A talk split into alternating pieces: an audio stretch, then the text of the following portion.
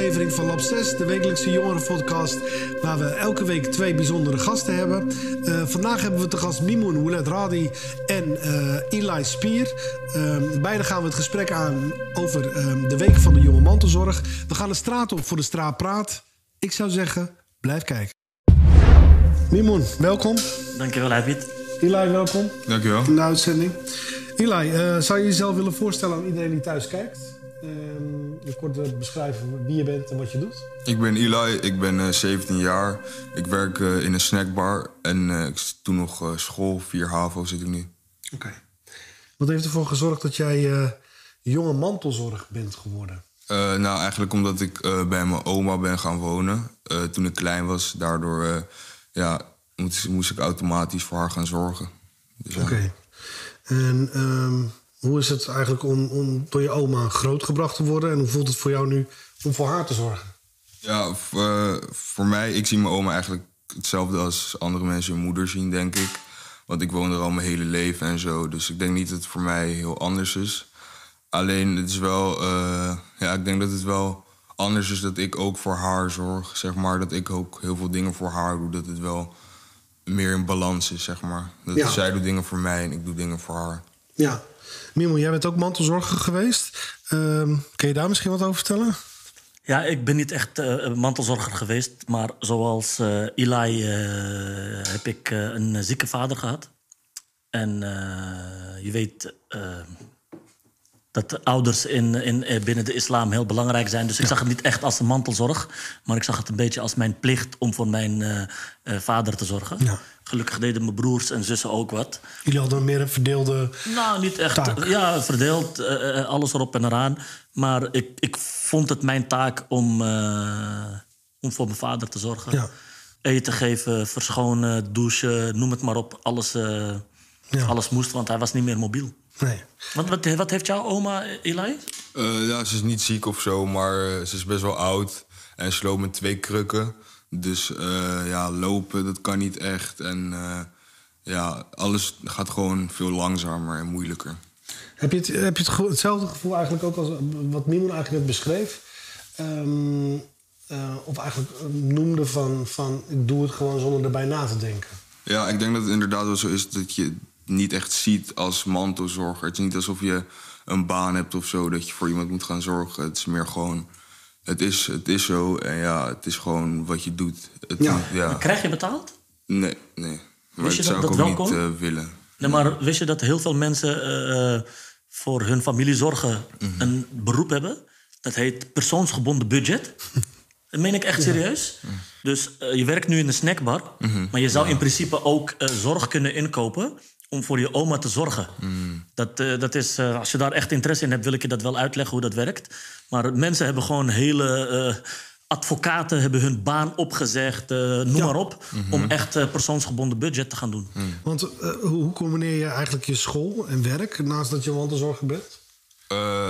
ja, ik denk dat het gewoon belangrijk is dat je gewoon moet weten wat er gedaan moet worden. En dat je, dat, dat je gewoon weet van uh, als ik dit dan doe. Ja, plannen is gewoon belangrijk, denk ik. Ja, want ik neem aan dat je oma daar ook... Uh, heeft je oma daar, naast dat jij voor haar zorgt... ook nog iets van thuiszorg? Of? Uh, nou, ik heb tantes in Amsterdam. Eén tante komt één keer per week... soms twee keer per week het huis schoonmaken. Ja. Dus dan hoef ik dat niet te doen. Daar word je van ontlast. -huh. en, maar voor de rest niet echt. Ja. Maar is ze wel in staat om nog alleen te douchen, alleen te eten en zo? Ja, dat nog wel, ja. ja. Wat, wat, uh, wat voor effect heeft de, de coronacrisis uh, gehad op jou als mantelzorger? Is het voor jou drukker geworden de afgelopen tijd? Of, uh, of zijn er meer taken bijgekomen? Doe je tantes die zitten op afstand. Mm -hmm. Mochten die nog wel langskomen? ja, op het begin niet. mijn oma die ging natuurlijk helemaal niet naar buiten. Dus dat betekende wel dat ik veel meer moest doen. Zoals boodschappen en de was en zo. Maar mijn oma heeft ook een kanta. Dus die, uh, die mag ik altijd lenen. Dus je mag uh, af en toe even crossen dus ja, Dat maakt het wel een stuk makkelijker met boodschappen en zo. En vaak gaan er ook vrienden mee als ik allemaal dingen moet regelen. Dus dat maakt het wel een stuk... In de kanta? Uh -huh. ja. Dus dat maakt het wel een stuk uh, chiller. Ja. Dan voelt het niet echt als verplichting of zo. Nee. Help je bijvoorbeeld je, eh, je oma ook ehm, met, met medicijnen of medicijnen ophalen? Ehm, Ja, dat wel. Ik haal de medicijnen altijd op bij de apotheek Ja. en eh, soms kopen. weet je ook waar de medicijnen voor zijn? Eh, nee, niet precies. Nee. Nee. Nee, ik kom daar gewoon en dan zeg ik van eh, haar geboortedatum en haar naam. En dan krijg ik een tas en dan Ja. ben ik het terug. Nou, vaak, de, de, de reden waarom ik deze vraag stel is omdat. eh, nou, je bent niet de enige die natuurlijk voor iemand zorgt. Ehm, maar je komt het vaak tegen dat ehm, ouderen die verzorgd worden door jongeren. eh, medicijnen toegediend krijgen.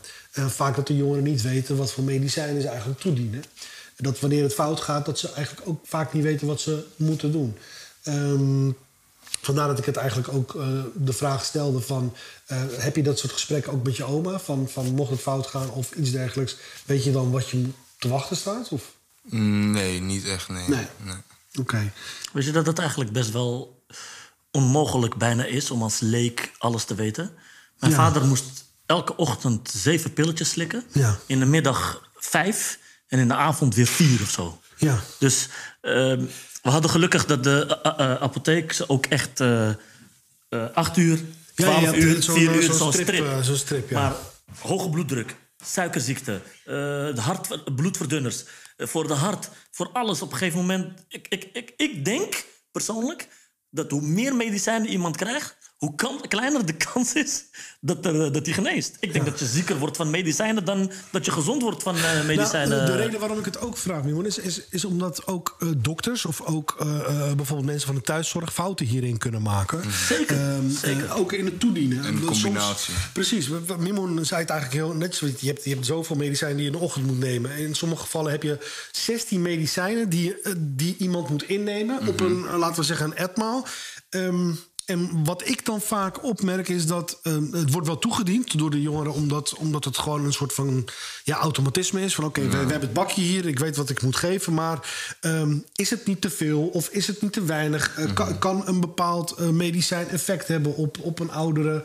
Eh, vandaar dat ik het ook vraag van, is dit iets wat bespreekbaar wordt gemaakt? Ik bedoel, misschien is het in andere gezinnen Ja, maar wel. maar- jij, gaat, jij, gaat, jij gaat waarschijnlijk niet mee naar de ziekenhuisgesprekken of de doktergesprekken. Nee, nee. Snap je? Het is in zijn geval denk ik net iets anders. Ja. Als ik, mijn, mijn vader die sprak eh, geen eh, Nederlands, dus wij gingen ook mee naar Vaak de dokter. mee, ja. Nee, Ja. niet vaak. Altijd. Ten alle tijden. Bestaat niet dat hij alleen gaat. Bestaat niet. nee. Dus we wisten precies voor wat wat was. Eh, op een gegeven moment kreeg je ook zondevoeding. Moest je, de, moest je zo'n slang die in zijn neus had... dan moest je spuiten in zijn, in zijn neus... Ja. en dan ging het via zijn neus naar zijn maag. Het is, het is echt niet makkelijk. Dus ik heb respect voor je dat je het doet. Maar pak wel al je rechten. Snap je? Zoek uit hoe je dan persoonsgebonden budget eh, kan aanvragen. Want daar heb je gewoon hier in Nederland recht op. Ja, want, want krijg je hulp vanuit de instanties? Als je met vragen zit over mantelzorg en weet je zelf ook wel waar je kan aankloppen? Eh, nee, maar ik heb me er zelf ook nog nooit in verdiept of zo. Nee. Sociale Verzekeringsbank. Ja, Of je, je huisarts, de regelt die alles. SVB. Ja. Heb je ooit te maken gehad met een, bijvoorbeeld een street corner work of een, een andere instantie die, eh, die hier wat meer over kan vertellen? Of? Nee, nee, maar ik denk dat als ik eh, zelf het zou willen, dat ik eh, me wel erin zou verdiepen. Ja. En dat ik het wel zou uitzoeken. Maar ik denk dat ik gewoon niet echt weet van. Nee, want hoe lang, hoe lang zorg je nu al voor je oma? Nou, ik woon er al sinds ik geboren ben. Dus Ja. vanaf het moment dat ik dingen kon gaan doen, ben ik denk ik gewoon dingen gaan doen. Het is gewoon steeds, ja, je kan steeds meer en je leert steeds meer. Dus Ja, want moet je ook bijvoorbeeld brieven lezen voor je oma? Of dat... eh, ja, ze kan eh, niet echt goed Nederlands lezen en schrijven en spreken. Dus brieven en zo, dat lees ik wel. En dan zeg ik gewoon wat ze bedoelen en dat soort dingen wel, ja. In welke taal? Sorry, in welke taal? Hebreeuws praat ze. Ja, spreek het vloeiend? Uh-huh. Ik, eh, ja, ja, ja. Shalom. Shalom. Ja. En, en ehm, ehm, dat is voor jou ook een leerproces. Want ik bedoel, je bent, je bent 17. Ehm, heel veel brieven van instanties, nou, die gebruiken soms best wel. nou, die gebruiken niet de normale taal. Hè? Het is allemaal heel formeel en heel zakelijk. Heb je daar soms moeite mee? Eh, ja, soms wel. Als ik er echt moeite mee heb, dan stuur ik ze soms naar mijn oom in Rotterdam. Ja. Want hij is wel goed in dat soort dingen, maar dat is ook op afstand. Dus dat kan Ja. niet altijd. Nee. Maar, eh, maar, eh, eh? Mag ik wat vragen? Wat vind jij ervan dat iemand zoals hij, die eh 17 is, eigenlijk al zoveel eh, lasten moet dragen voor het verzorgen van zijn oma? Oh, ehm. Ehm, Vind je niet dat hij er buiten hoort te spelen of zichzelf moet ontwikkelen? Gewoon.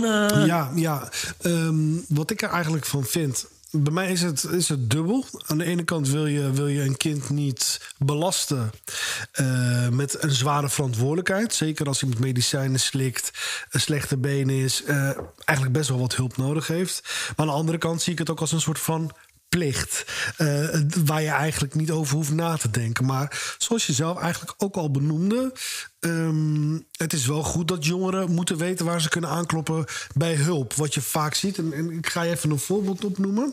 eh, die ik ben tegengekomen in het veld. Is dat bijvoorbeeld een, een, een kind die 17 jaar oud zit op school. eh, heeft zijn werk. Nou, hij heeft voor de rest niet echt familieleden waar hij op kan bouwen. Moeder heeft kanker, zorgt voor zijn moeder wordt steeds dramatischer. Moeder eh, komt steeds, ja, dat gaat steeds achteruit. Jongen moet zijn werk opgeven, omdat hij voor zijn moeder moet zorgen. Weet ook niet waar hij hulp kan eh, zoeken bij een instantie. Eh, daarna komt het punt, een maand later moet hij zijn school opgeven, terwijl hij doet MBO 4. Ehm, na een maand komt zijn moeder te overlijden. Eh, nadat zijn moeder is overleden, moet hij binnen drie weken moet hij het huis uit. Die jongen is dus eigenlijk binnen vier maanden eh, zo- zonder school, zonder werk, eh, zijn moeder kwijtgeraakt. Dus zonder huisvesting. En zonder huisvesting. Dus hij heeft in één keer ontzettend veel problemen. Maar stond hij al die tijd wel ingeschreven bij zijn moeder? Hij stond, maar hij, heeft, nog- hij had geen recht om in het huis Jawel, te blijven. jawel. Nee, omdat hij koop 17 een jaar dood, was. Maar koop een doodbrekende huur echt niet. Nee, nee, maar hij moest het huis uit. Dus toen hij het huis uit moest. Ik praat niet over een situatie wat nu al een tijd geleden is, maar.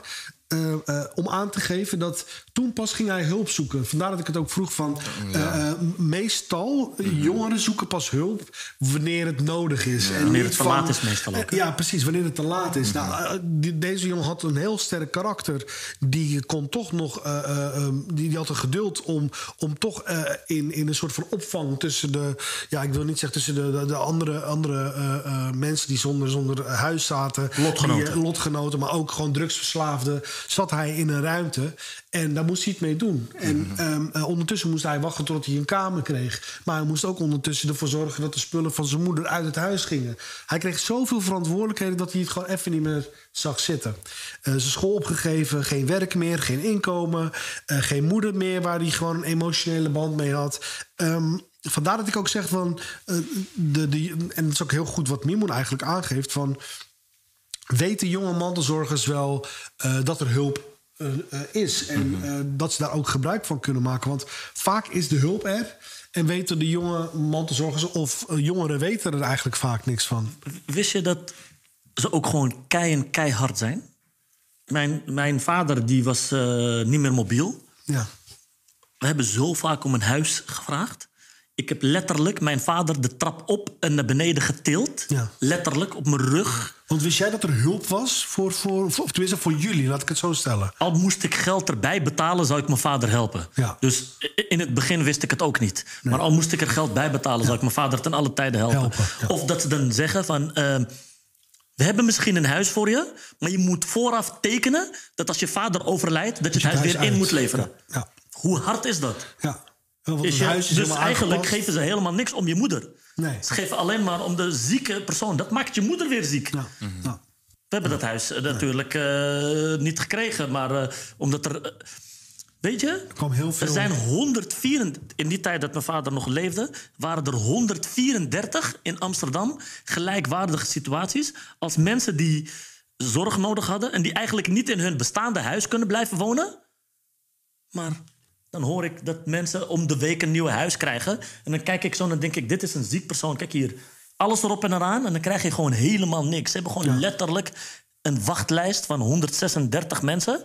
die dan op dat moment zaten te wachten op een woning... Ja. terwijl andere mensen handelen in huizen. Ja. dat is verkeerd. Ja. Zorg de, de, ja, ik, ik wil er eigenlijk geen woordadvies maken. Nee, maar goed, je geeft ik word aan gewoon dat- dat- woedend als ik er weer aan moet business denken. is eigenlijk, Ja, het is ja. een business, absoluut. Hey, Eli, wat, wat, wat vind je oma er- ervan dat, dat, dat jij voor haar zorgt? Eh, ja, ze heeft er heel veel respect voor. Ze waardeert het ook heel erg.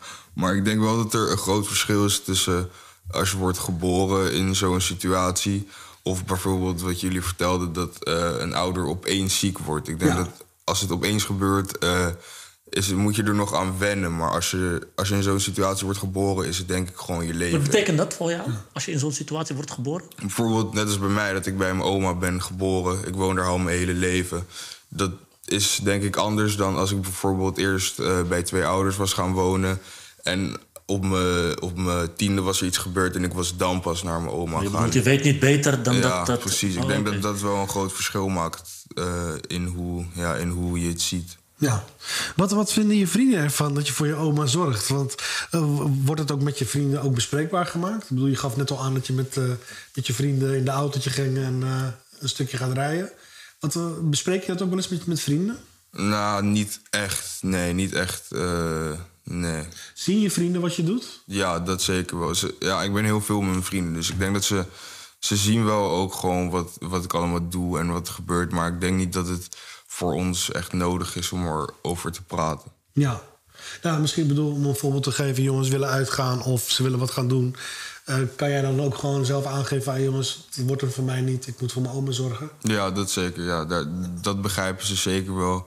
En ik denk ook, ze houden ook vaak rekening met mij. Als ik bijvoorbeeld iets langer thuis moet zijn... omdat Ja. eh, mijn oma nog moet gaan slapen... dan wachten ze ook gewoon en dat soort dingen. Dat Ja. is voor hun ook gewoon normaal geworden, denk ik. Ja. Be- Beperkt het bieden van, van mantelzorg jou ook in het behalen van je eigen doelen? Nee, nee. Tot nu toe in mijn leven nog niet, nee. Nee. Hoe oud is je oma? Eh, 77. Ja. Is toch best op leeftijd? Ja. mhm. Is, er- is er nog wel mentaal en, en fysiek nog wel... eh, ja. Ja, ze, de laatste tijd vergeet ze wel steeds meer dingen. Eh, daar maak ik me wel een beetje zorgen om. Maar dat is ook gewoon de leeftijd. Dus ja, mentaal is het wel gewoon goed. Ik kan ook gewoon nog gewoon goede gesprekken met haar voeren. Het hoeft niet per se leeftijd te zijn, hè? Eh, eh, je hebt... eh, heb je wel eens gehoord van Alzheimer? Mhm. Maar heb je ook die andere vorm gehoord, vasculaire dementie? Dat is een lichtere vorm van, van eh, Alzheimer. Dan vergeet je soms dingen Mhm. en dan komt het weer terug en dan weer vergeet je. Mijn vader, Lermo, die sprak wel eens over het verleden. Dan zit je met hem te praten en dan zegt hij... Ja, ik was net in de... Ja. Snap je? Dus dat zijn Terwijl je, eh, lange termijn geheugen, zeg maar. eh. Hij praat in het verleden. Dat heette op dat moment, het was, niet, het was een vorm van Alzheimer, het vasculaire dementie. En dat, dan, dat, dan, dan, zo echt pijnlijk om dat eh, te ervaren. Ik bedoel, in jouw geval hè, natuurlijk, ik snap dat je eh, voor je oma zorgt, maar je oma was nog mobiel. Maar als je vader gewoon de hele dag op een stoel zit en je wilt met hem praten en je kan niks. Ja. Enig wanneer je doet eten geven, doet hij zijn mond open. Of als je hem gaat verschonen, dat hij zegt draaien, dat hij dan. eh, Is, is, is, is moeilijk hoor. Ja, dus ik snap, ik heb respect voor je, maar het wordt zwaarder. Ja, helemaal als je je vader hebt gekend toen dit nog normaal was. Absoluut. En Maar je ziet het. Mhm. voor, voor jou, Eli, het gaat echt zwaarder worden op het moment dat je oma niet meer voor zichzelf kan douchen. Of als ze niet meer eh, eh, zelf eh, verschoond kan worden Mhm. of wat dan ook. Neem het heel serieus. En, en, Heb jij er nog tips voor Ja, hem? tuurlijk. Ja. Je hebt meer ooms en tantes. Neem, neem- draag de lasten niet alleen. Ja, mhm. Snap je? Al wonen ze in Rotterdam. Het is zijn moeder. Met Ja. alle respect. Ik, bedoel, ik probeer hem niet... eh, ja. Maar je kan makkelijk twee keer in de maand op en neer rijden. Zeker. Eh, in de week, sorry. Ja, ze komen ook best wel vaak. Ja, ik denk dat mijn familie wel eh, voorbereid is op als het slechter gaat. Het mooiste is een schema maken. Het allermooiste dat je zegt, hey, ik, ben, ik doe het elke maandag. Mijn broer doet het elke dinsdag. Mijn tante doet het elke donderdag. Snap je? ja. Dan, jij mag wel meer doen, als je dat fijn vindt. Maar zo niet proberen het te verdelen. Dat maakt het voor jou ook makkelijker. Vind je, Eli, dat er meer aandacht besteed moet worden aan jongeren die voor een ander zorgen? Mm, ik denk niet per se dat er meer aandacht besteed aan moet worden. Ik denk eerder dat de jongeren zelf eh, gewoon zouden moeten weten. Nou, ik denk gewoon dat er misschien wel duidelijker eh, gemaakt moet worden waar de jongeren hulp kunnen vinden. Maar ik denk dat de jongeren zelf wel initiatief nemen. Want hoe, hoe, zou, jij de, eh, hoe zou jij dat zeg maar, onder de aandacht brengen bij jongeren? Mm, nou, ik denk dat jongeren die, eh, ja, die dat soort dingen doen, dat het wel bekend is, bijvoorbeeld bij instanties. En ik denk dat je dan vanuit die instanties gewoon moet zeggen van als je hulp nodig hebt, dat kan. Een, een goed voorbeeld. Heb, eh, heb, eh, eh, bijvoorbeeld, jij zit op school.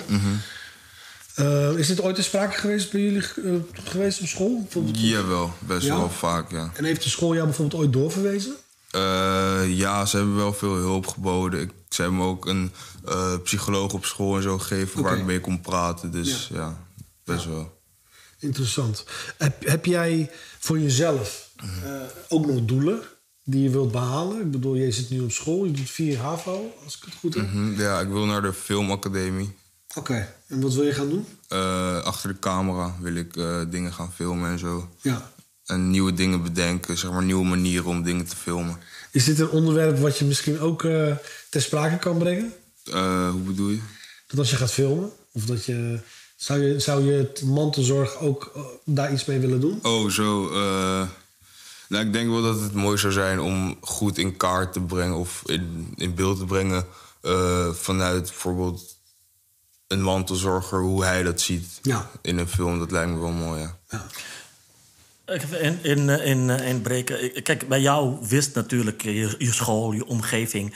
Ik bespreek dit met niemand. Dit is de eerste keer Ja. dat ik het aan het vertel... dat ik voor mijn eh, eh, vader heb gezorgd. Als mijn ouders op vakantie wil- wilden, moest er iemand mee. Het kan niet. Mijn moeder kan niet alleen voor mijn vader zorgen. Mijn vader, ze kan mijn vader niet optillen, douchen enzovoort. Tenzij die ergens is, snap je? Op het moment dat je... Nou, hoe moet ik het uitleggen? Eh, ik ben blij dat ik het nooit met iemand heb hoeven bespreken. Ja? Want ik deed het uit mezelf. Ik deed het omdat het mijn vader is. En uit de liefde van mij voor mijn vader. ja maar, Ik weet niet of ik het zou kunnen. Nou, kunnen wel. Maar of ik het zou willen... om die lasten ook nog te dragen voor een vreemde... als het mijn beroep niet is. Kijk, Ja. voor me, voor me, het is echt lastig. Ja, tuurlijk. Het is gewoon echt zwaar om iemand die altijd gewend was... om in de bloei van zijn leven te zijn... eigenlijk eh, te, ja, te zien lijden. Ja. Gewoon eigenlijk niets kunnen. Eh, ja, ik zie weer het beeld voor me en dan denk ik van... Het was gewoon, denk ik, heel moeilijk ook voor hem... om door zijn kinderen verschoond te worden... of eh gedoucht te worden, of wat dan ook.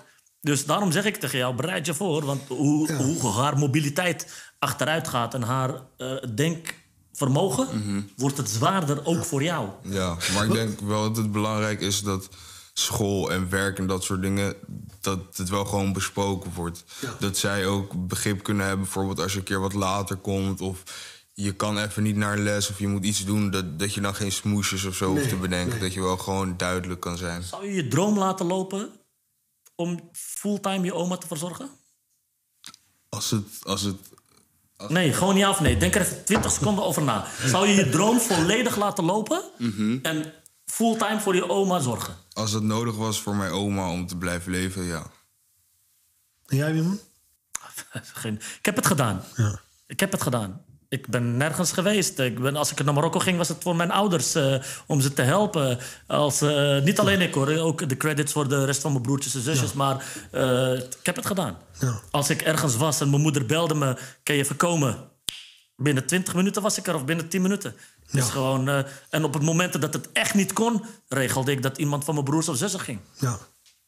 Nou, het is een, heel bijzonder eh, onderwerp om, eh, om eigenlijk er nog heel lang over verder te praten. Ik wil je sowieso bedanken, Eli, Mimon ook. Eh, we gaan nu naar de straatpraat. En we gaan de jongeren op straat gaan we vragen naar hun mening over mantelzorgers zijn. Kijk even mee.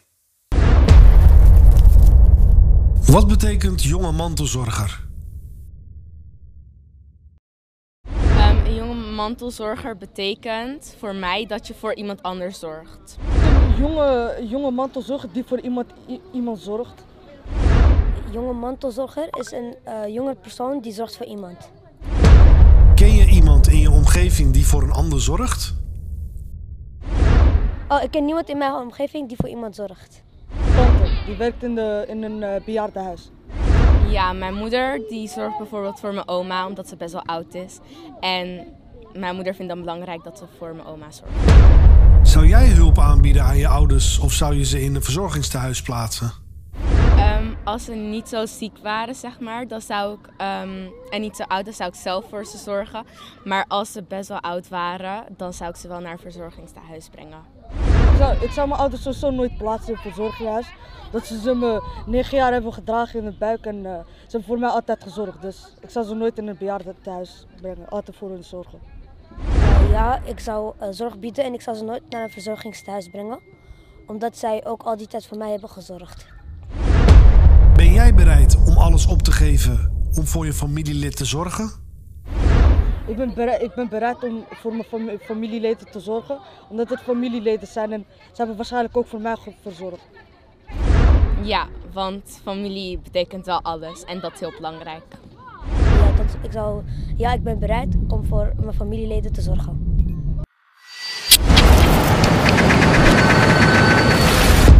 Welkom terug allemaal. Eh, dat was de Straatpraat. Eh, het is eh, zeker interessant om ook te horen op de straat wat de jongeren ervan vinden. Ehm, ik hoorde Mimo net wat zeggen. Ja, kijk, tijdens, het, eh, tijdens mijn vader, toen hij ziek was, Ja. zijn er ook een aantal ziekenhuisopnames geweest. En weet je hoe hard ze ook zijn in het ziekenhuis? Het moment dat ze tegen ons zeiden van... ja, kijk, jullie vader heeft zijn eh, hartpatiënt en jullie vader dit en dat. Stel dat de situatie zich voordoet dat hij toevallig een hartstilstand krijgt... ja, gaan wij hem niet reanimeren. dat is heftig om te horen. Ja, maar wat wij terug zeiden was nog heftiger. Dan klaag ik jullie aan. Je bent verplicht om een leven te redden. Ja. Als je in een ziekenhuis werkt. Zeker als arts zijnde. Als iemand... Als, je moest, ik, ik zei, je moet het proberen. Wat was de reden waarom ze dat, dat, dat zeiden? Of was dat... Ziekenhuiskosten waarschijnlijk zijn te hoog. Ja.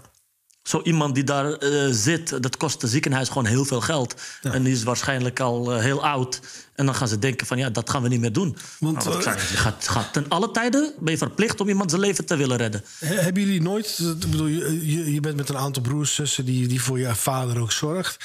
Is er nooit geïnitieerd om, om je, je, vader in een verzorgingshuis te plaatsen? Nee, we hebben daar nooit aan gedacht. Er was geen, het was onbespreekbaar dat iemand anders voor onze vader zou zorgen. Dat geldt ook voor jou, Eli, bijvoorbeeld. Ehm, wat je vaak hoort en ziet is dat mensen die voor hun ouders zorgen... eh, het liever ook zelf doen in plaats van dat er een derde van buiten komt. Ik ken genoeg mensen die hun vader wel naar een eh, revalidatiecentrum of naar een verzorgingstehuis hebben gebracht. Ja. Is goed, als zij daar zich prettig bij voelen, of als ze het eh, emotioneel of fysiek niet aankunnen, doe dat. Maar wij vonden dat wij het plicht hadden om onze vader in zijn vertrouwde omgeving te laten, waar hij, naar ons gevoel, het meest prettig was. En dat was bij ons. Ja. En eh, dan maar een, eh, drie keer op een dag langskomen om hem te verzorgen. Ja. Maar dat was onbespreekbaar dat we het door een eh, andere partij zouden Laten doen. Ja. Er, was, er was thuiszorg. Ja. Er was thuiszorg. Dat was erbij. Ja, dat was eh, la- later erbij, omdat, kijk, eh, eh, medicatie, prikken en dat soort dingen. Af en toe moest het gewoon anders. Of als die dan. zijn, Ja, infuus of, infu- niet nou, hoe heet het? ik ben het even vergeten. Zondevoeding eruit trok. kwamen zij weer terug helemaal in zijn neus tot aan zijn maag. Dat, dat wil ik niet. Dat vind ik niet, niet fijn. Nee. Dus dat zijn dingen die dan de thuiszorg wel deed. Ja. Maar het is ook een stukje vertrouwen. Ja, absoluut. Ik zie mijn vader ook beter verzorgd worden door mijn broertjes Ja. of zusjes dan door iemand anders. Ja. Maar dat is denk ik eh, eh, ja, in mijn ogen normaal. Ja, nou goed, ik bedoel, jullie komen uit een groot gezin. Eh, net zoals Eli, je hebt geen broertjes, zusjes of zussen. Dan is het een, een stuk moeilijker om natuurlijk constant. Maar daarom zei ik tegen hem: Ja. het wordt zwaarder en zorg ervoor dat je hulp hebt. En hoe, hoe moeilijk het ook maar is, maak een schema. Desnoods zeg jij: luister, een week telt zeven dagen. Ik ben bereid om vier dagen te doen. Willen jullie dan met, misschien zijn er nog vier of vijf ooms. Willen jullie dan verdelen die andere drie dagen? Maar dan weet jij, die drie dagen kan jij gewoon zonder schuldgevoel aan je eigen toekomst of aan je eigen leven of wat dan ook werken. Maar als jij al die zeven dagen de zorg gaat nemen, Ja. dan kunnen zij zichzelf wel blijven ontwikkelen. Maar jij gaat dan, zoals jij toen net zei, op een gegeven moment, je oma is het enige in je leven. Als dat wegvalt, heb jij ook niks meer. Dus daarom, echt waar, maak afspraken. Hoe moeilijk het maar voor hun is. Eén keer in de week of twee keer in de week. Zeg jij maar, ik doe wel vier. Dan hoeven jullie er met z'n allen maar drie te doen. Dan heb jij wel drie dagen voor jezelf. Dat zal voor, als ik je dat mag adviseren, is een gratis cadeau die je dan van mij krijgt. Doe dat. Dan heb jij je hele leven drie dagen voor jezelf, zolang je oma leeft, om nog aan je eigen dromen te werken. Dus de een hoeft de ander niet uit te sluiten. Toen ik je net vroeg, zou jij je droom weggeven? Ik zou dan zeggen, natuurlijk, je moet alles doen voor je oma. Maar je moet ook alles doen. Je oma zou ook heel graag willen dat jij zou slagen. Ja, precies. Hey, even een heel ander onderwerp. Want ehm, nou, Mimo, we, we hebben je net eh, goed horen spreken. Eh, je bent mantelzorger geweest. Zo wil je eigenlijk het niet benoemen. Niet benoemd worden, nee. Goed. Je bent acteur. Je bent programmamaker. Acteerde dat ik mantel, mantelzorger was. Nee. Nee, je bent acteur, je bent programmamaker, je bent eh, eh, vader. Ehm, hoe zag de afgelopen periode er voor jou uit met de coronamaatregel? En heeft dat jouw dagelijkse routine veranderd? Eh, kijk, ik heb, ik, ik, heb sinds kort heb ik een eigen bedrijfje waar ik niet te veel over wil vertellen. Nee. En eh, ik heb een kantoortje in Haarlem. Ja. En ik eh, heb geluk dat mijn werk voornamelijk schrijven is. Oké. Plannen schrijven, dingen schrijven en dan proberen te ontwikkelen. Dus eh, ik heb daar heel veel gebruik van gemaakt. Ja. Ik ben bijna zo wat eh, eh, 25 uur per dag bezig met, met mijn toekomst. Het heeft eigenlijk alleen maar in zijn voordeel gewerkt. Dat, dat, dat je even de mogelijkheid had om Ja, ik rustig zeg eerlijk, ze zeggen wel eens anderhalf meter afstand. Ik Ja. denk als dat eh anderhalf meter... Ik denk dat ik bij sommige mensen zelfs anderhalf kilometer afstand heb gehouden.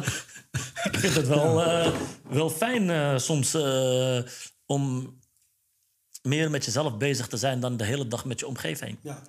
Want je, je hebt geacteerd, je hebt gepresenteerd. Eh, wat zou je eigenlijk nog echt willen doen? Wat, wat zijn de doelen die je nog zou willen behalen in je carrière? Zonder inhoudelijk in te gaan. Ja, ik, ik heb heel veel doelen. Eh, ik wil de beste vader voor mijn eh, dochter zijn. Ja. Dat is één. Ik wil een goed mens zijn. Ik wil een goede moslim zijn. Ik wil dingen doen waar ik volledig achter sta.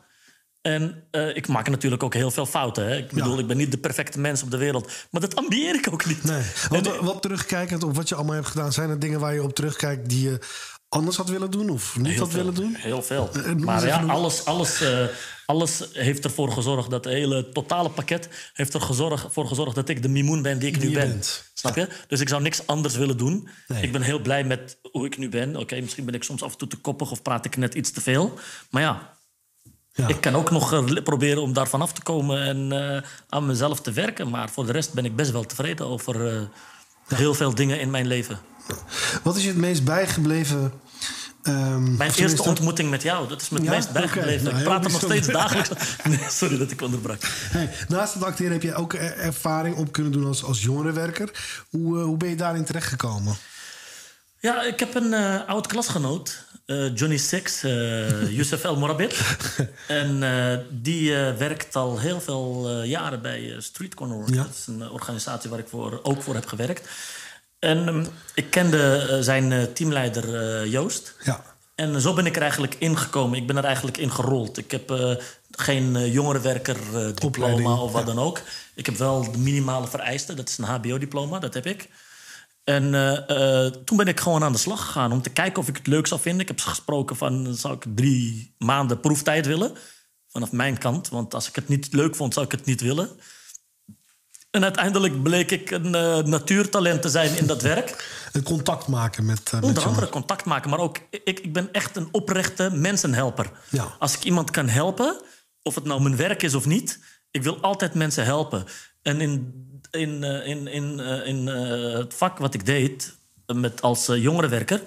Hielp je jongeren van schulden af of van hun verslavingen. Of je zorgt ervoor dat ze. eh, eh, ik, ik, ik ben meegegaan naar gevangenissen. Ja. Ik ben meegegaan naar scholen. Ik ben meegegaan naar ziekenhuisbezoeken. Ik heb met ouders gesproken. Ik heb met vrienden die ruzie hadden onderling heb ik bemiddeld. Dus het is zo, noem het zo gek nog niet. Of er is, eh, het is als jongerenwerker voorgekomen. Wat is je het meest bijgebleven als, als jongerenwerker? Wat, ehm, ik bedoel, je hebt aardig wat, Ja, wat ik heb, jongeren heb- gezien. een van de dingen die het meest bijgebleven is... er was een, eh, een eh, incident tussen de politie en een, en een jongen. En ze zouden hem van huis ophalen. En eh, die jongen was niet thuisgekomen, dus ze belden aan bij zijn vader. En zijn vader die, eh, eh, zei hij is er niet, ging naar zijn werk. En die bleef maar met zijn zoon in zijn gedachten... dat hij tijdens zijn werk zijn hand tot hier is kwijtgeraakt. Die dag. En toen dacht ik echt bij mezelf... die jongeren weten niet wat ze hun ouders aandoen. Ze denken van lang leven de lol, maar ze weten niet dat een vader zijn hart breekt of een moeder haar hart breekt als de politie weer langskomt. Ja. Of als je weer wordt geschorst op school. Of als je in elkaar wordt geslagen of iemand in elkaar slaat. Of als je weer een, een lachgaspatroon leeg hebt gezogen en je bent invali- eh, invalide daardoor of je maakt een auto-ongeluk. Je denkt alleen maar op dat moment aan je eigen plezier, hoe ik het zo wil noemen, maar niet aan de ellende die ouders meegaf. En dat vond ik een reden voor mij om te stoppen. Eh, of niet te stoppen, om er even tijdelijk mee te stoppen. Want hoe moeilijk is het om 50 uur in te spreken op iemand? Doe nou niet, doe nou niet, doe dit, doe dat. En dan het volgende moment, als- als je niet kijkt...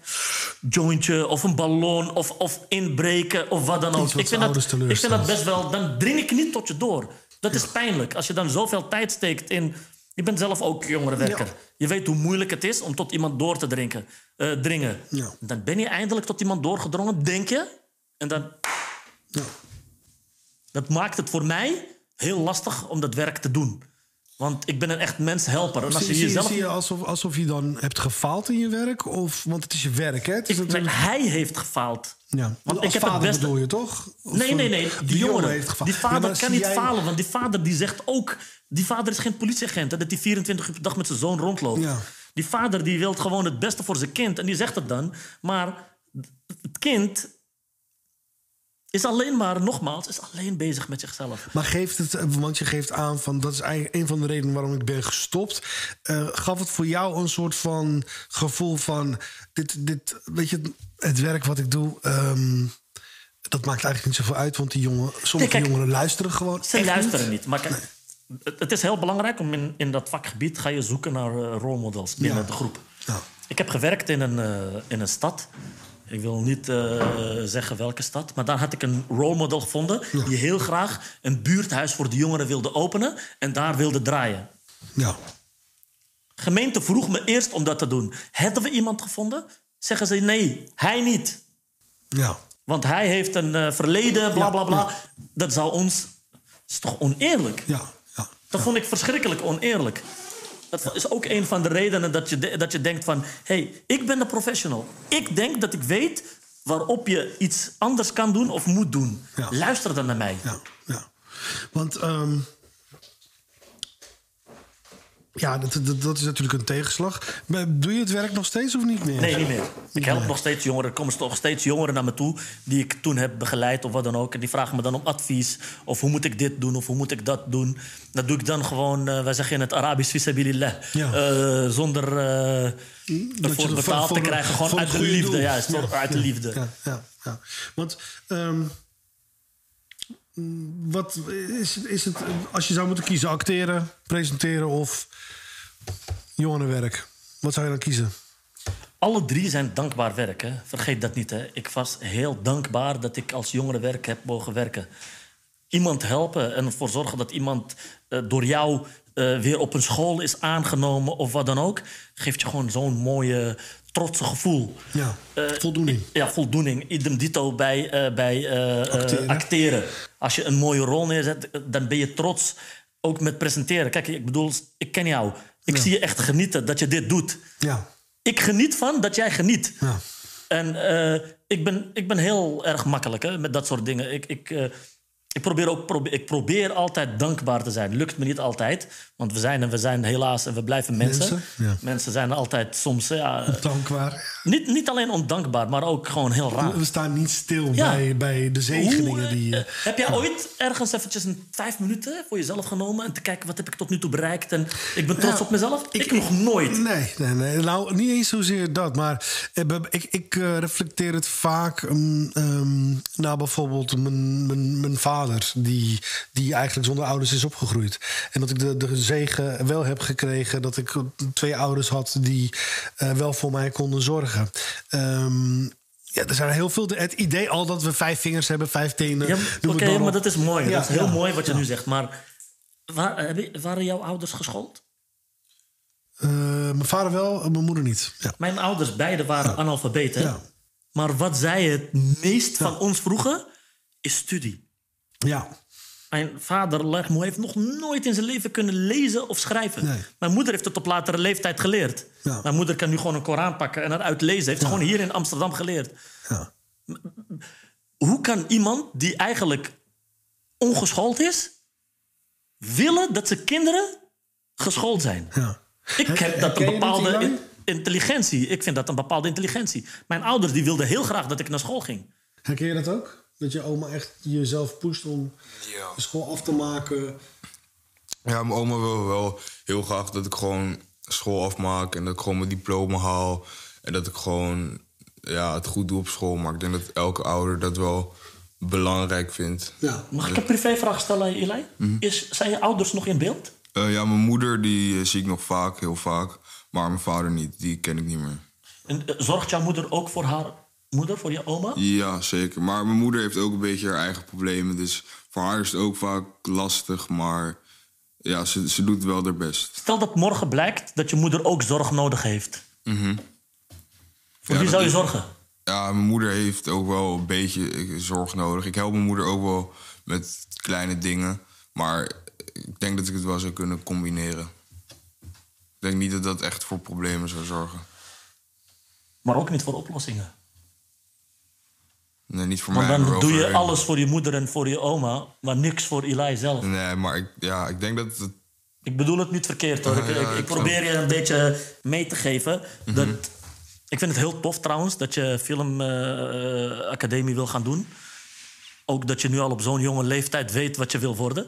Ja. Want als ik eerlijk moet zijn, ik word eh, vrijdag eh, 43 en ik weet nog steeds niet wat ik wil worden. dus eh, ik vind het echt tof dat je dat weet, maar doe het dan ook. Ja. Zorg ervoor dat niks tussen jou en je droom omkomt. Mhm. Stel je voor dat je... Misschien maak jij wel over vijf jaar de mooiste film ooit... over een jongen van 17 die voor zijn moeder ging zorgen. Ja. Ken je de film Intouchables? Intouchable, ja. Heb je die film gezien? nee, nee. Moet je eventjes gaan go- eh, googlen. Het is een Franse film. Het is een Franse film Die, eh, van die donkere man. ja, met die Omar neus. Met, Hij speelt ook in een andere film, Hij Samba. speelt ook in een andere film. Die ging dan zorgen voor een man. Oh ja, met die man in die rolstoel. Oui, oui, très bien, hè? Très bien, hè? Ja, die heb ik wel gezien. Misschien maak jij over vijf jaar door jouw droom. En jij zei net al, je beste vriend wil misschien ook naar die school gaan. En die wil dan misschien gaan schrijven. Misschien maken jullie wel de mooiste film uit je leven. Doordat je deze periode in je leven hebt meegemaakt. Om voor je oma te zorgen. Misschien ook een beetje voor je moeder. Je hebt al bij je oma moeten leven. Jij bent een ervaringsdeskundige. Dat is onbetaalbaar, hè? Op jouw leeftijd. Dus als je het echt wil, ga en leer. Wees gierig. Hoe moet je camera, hoe pak je dit, hoe dit, hoe dat, hoe dat, hoe dat licht enzovoort. Zoals je ziet hoe dit hier allemaal opgesteld is. Dat hebben die jongens ook moeten leren. Ja. Jij ook, leer het vak. En dan misschien word je een van de, de... Komt er wel een dag dat je bij mij aanklopt. Hé, hey, Mimoen. Ik heb je nodig. jij een, eh, ik heb je nodig, man. Rol. Hey Mimo, wat, wat valt jou op in de tijd dat jij begon met acteren eh, met de tijd van nu? Eh, denk je dat het nu moeilijker of makkelijker is om op te vallen? Het is nu veel makkelijker om op te vallen. Ja? natuurlijk. Je hoeft maar een gekke video op te nemen en te delen op social media... en je bent een bekende Nederlander. Ja. Snap je? Hoeveel YouTubers? YouTubers hebben honderdduizenden volgers. Ja. Heb je, heb je daar zelf ooit over nagedacht? Om te gaan vloggen? Nou, niet zozeer vloggen. Want toen ik, ik weet nog heel goed dat ik Mimo voor de eerste keer zag. En dat was toen eh, in, in Shoef Shoef Habibi, geloof ik. Ik zit gewoon naast je, hè? Ja, nee, ik weet Toen ik jou... Ja, toen ik jou, toen ik jou echt, eh, nee, maar toen echt zag acteren. Ehm, ik vond je eigenlijk eh, de meest bijzondere acteur, omdat je er echt uitsprong. Eh, in die zin van, ik kan me nog heel goed eh, herkennen met, met vooral toen je die maskers op moest doen. Dat je, eh, dat je toen heel erg uitsprak van ik ga geen varkenskop opzetten. moet even... eh, eh. Ja. Slijm, slijm. Slijm. Oh, met de uit. slijm, jongen! Toen, toen, zei, toen, zei- toen, toen, toen dacht ik van, deze jongen gaat, eh, gaat een eigen carrière maken. Maar ik zag je eigenlijk ook meer in een soort van stand-up comedy. Of, Wil je of- mijn, wil je mijn geheimpje weten, Salahuddin? Nou, Uh, Abid, Abid, Smahli, ja. Abid, sorry. ik denk, heel, als ik echt heel, heel, heel eerlijk moet zijn... de reden waarom ik zoveel praat... is omdat ik niet over mezelf wil praten. Ik ben... Misschien straal ik uit alsof ik heel veel zelfvertrouwen heb... maar er is niemand met minder eh, zelfvertrouwen dan ik. Ik heb er nooit overwogen uit angst om op het podium te gaan. Nee, maar veel, eh, tenminste, ik kijk heel veel documentaires. Ik kijk heel, ook heel veel naar stand-up comedy. En eh, dit verhaal komt me heel bekend voor als ik, als ik hoor dat vooral mensen die stand-up comedy doen, dat zijn vaak. Niet, ik wil niet zeggen onzekere mensen, maar ehm, ehm, ze schuilen eigenlijk achter wat hun doen. Maar tegelijkertijd maakt het hun wel heel sterk. Eh, is dat wel iets wat je tegen heeft gehouden? Dat je dacht van, oh, ik, ik wil niet meer hebben en houden, op podium gooien? Nee, of... dat is het niet. Dat is het, niet. Het, is, het kan ook een, een vorm van therapie te zijn, zijn om ja. over je leven te praten. Maar ehm, wat als ik het maak en er komt niemand? snap je? Ja. Wat als ik het maak en er kijkt niemand? Wat, als ik het maak, eh, snap je? Dat is het bij mij. Ik heb het ooit een keertje met een vrouw besproken. Een, eh, een, een, een vrouw die zegt, ja, waarom ga je niet podium, angst, bla bla bla. Toen zei ik, ja, ik denk dat ik eh, faalangst heb. Ja. En toen bleven we twee uur samen. Eh, Zij, zij heette Patricia en ze was, ze was eh, directrice van... eh, ze, ze zorgde ervoor dat slecht lopende bedrijven weer goed, goed gingen ja. lopen. En toen we waren bij de directeur van Achmea... en allemaal belangrijke mensen voor hun. Ik was gewoon Mimo en ik dacht, ik heb scheid aan die eh, functies. en ik was daar en ik zat de hele dag te praten... en ik was bezig en ik had iedereen een beetje een soort van vermaakt enzovoort. En toen op de terugweg reden we van eh, Le- Le- Friesland terug naar Amsterdam... waar ik zeg naar Nederland. En toen zei ze tegen mij... "Miem, ik heb je even een beetje geanalyseerd. Ik denk niet dat jij faalangst hebt. Ik zeg, "Eh, waarom? Ik zeg toch dat ik denk dat ik faalangst heb. Ik zeg, ze zei, ik denk dat jij slagingsangst hebt. Jij bent bang om te slagen. Ja. Daarom doe je dat niet. Ja. Misschien heeft ze gelijk. Misschien ben ik wel bang om te slagen. Ja. Maar voorlopig hou ik het op mijn veilige faalangst. ja. Maar lijkt het je wel wat om wat voor jezelf Tuurlijk. zo te doen? Tuurlijk, ik heb ook vloggen, maar- dromen. Ja, ja. Maar daarom probeer ik deze jongen voor mijn fouten te behoeden... door hem te zeggen, doe het niet zoals ik, doe het anders. Ja. Leer een vak. Ga proberen de beste te worden in wat je doet. Ik, ik word eh, vrijdag 43. Ja, ja, ja. Snap je? Hallo. Want je wordt 43, je bent Ja. onlangs vader geworden. Hoe ervaar je dat? Want dat is natuurlijk ook weer een nieuwe fase in je Ik leven. was laatst met een eh, vriend van mij. Ja. En ik zei tegen hem, ik heb één angst. Hij zei, en wat is dat? Ik zei, ik ben bang dat mijn dochtertje net als mij gaat worden... en ook veel gaat praten. en toen zei hij, weet je wat je moet doen? Hij zei, eh, hij bet- hij betrok het geloof erbij. Hij zei, je moet tegen je dochter zeggen... Allah heeft ons twee oren gegeven en één mond. Dat betekent dus dat je meer moet luisteren dan moet te praten. Ja. Ik zei, waarom vertel je me dat pas op mijn 43? Ja. Dus ik probeer nu ook... Nee, ik heb me sinds die dag voorgenomen. Om, het is nu nog niet gelukt hier aan tafel. Maar misschien omdat ik nu echt heel graag mijn verhaal wil delen. Ja. Maar eh, ik wil echt minder praten en meer luisteren. Ja. Luisteren is nooit een van mijn sterkste punten geweest. Nee. Nou ja, ik bedoel... ehm, ja, ik, ik vind het sowieso heel bijzonder om, om eh, het feit dat je, dat je je verhaal hier ook eh, met ons wilt delen. Ik doe alles voor die 50 euro die ik me beloofd heb. nee, nee, het was maar 40. Nee, jongens, ik, ik wil jullie echt allebei eh, ontzettend bedanken voor jullie aanwezigheid. Ik vond nog één een, eh, levensles meegeven aan Eli voordat we kappen. Ja, tuurlijk, zeg Eli, maar. als je dit allemaal hoort, motiveert het je juist om nog meer je best te doen? Of dan denk je van, ja, misschien ga ik toch een ander vak zoeken? Nou, het motiveert me zeker wel. Maar ik denk dat eh, wat jij ook zei over waarom je je vader niet naar verzorgingstehuis wil sturen. Zeg maar, je weet zelf eh, van je ouders of zo wat hun gelukkig maakt. En ik denk dat, dat je onbewust dat Je eigen wel. omgeving blijven bedoel je toch? Ja, ja. Dat je, dat je daar wel naar streeft altijd. Dus ik denk ook al wil je zelf dingen, eh, bijvoorbeeld dromen of doelen, dat je wel gewoon moet combineren met, met wat je omgeving wil en wat goed is voor je omgeving. Want als je omgeving blij is, dan ben je zelf ook blij. Uiteindelijk. Jij en je oma schelen 70 jaar. Zij is 70, 70 zei je? Z- 77 En jaar. jij bent 17. 17 jaar. 60 jaar. 60 jaar. ja. Ik vind het knap dat je dat voor je oma doet. Dankjewel. En eh, Maar dat geldt ook voor jou. Ik bedoel, wat ik voor zijn oma doe, ik heb nog niks voor zijn oma gedaan. Wat, jij eh, wat, je- wat je Ja, voor maar dat is voor mij vanzelfsprekend. Ja, maar goed, ik bedoel, je hebt nu straks, eh, je hebt nu zelf ook een kind. Eh, eh, dat is heel bijzonder. Ehm, ik, ga er ook vanuit dat jij, dat jij hoopt het mocht. um, Hè, we hopen het natuurlijk niet als jij een, eh, wat ouder bent en eh, eh, misschien ook de verzorging nodig hebt, dat je dat ook kan verwachten van je dochter.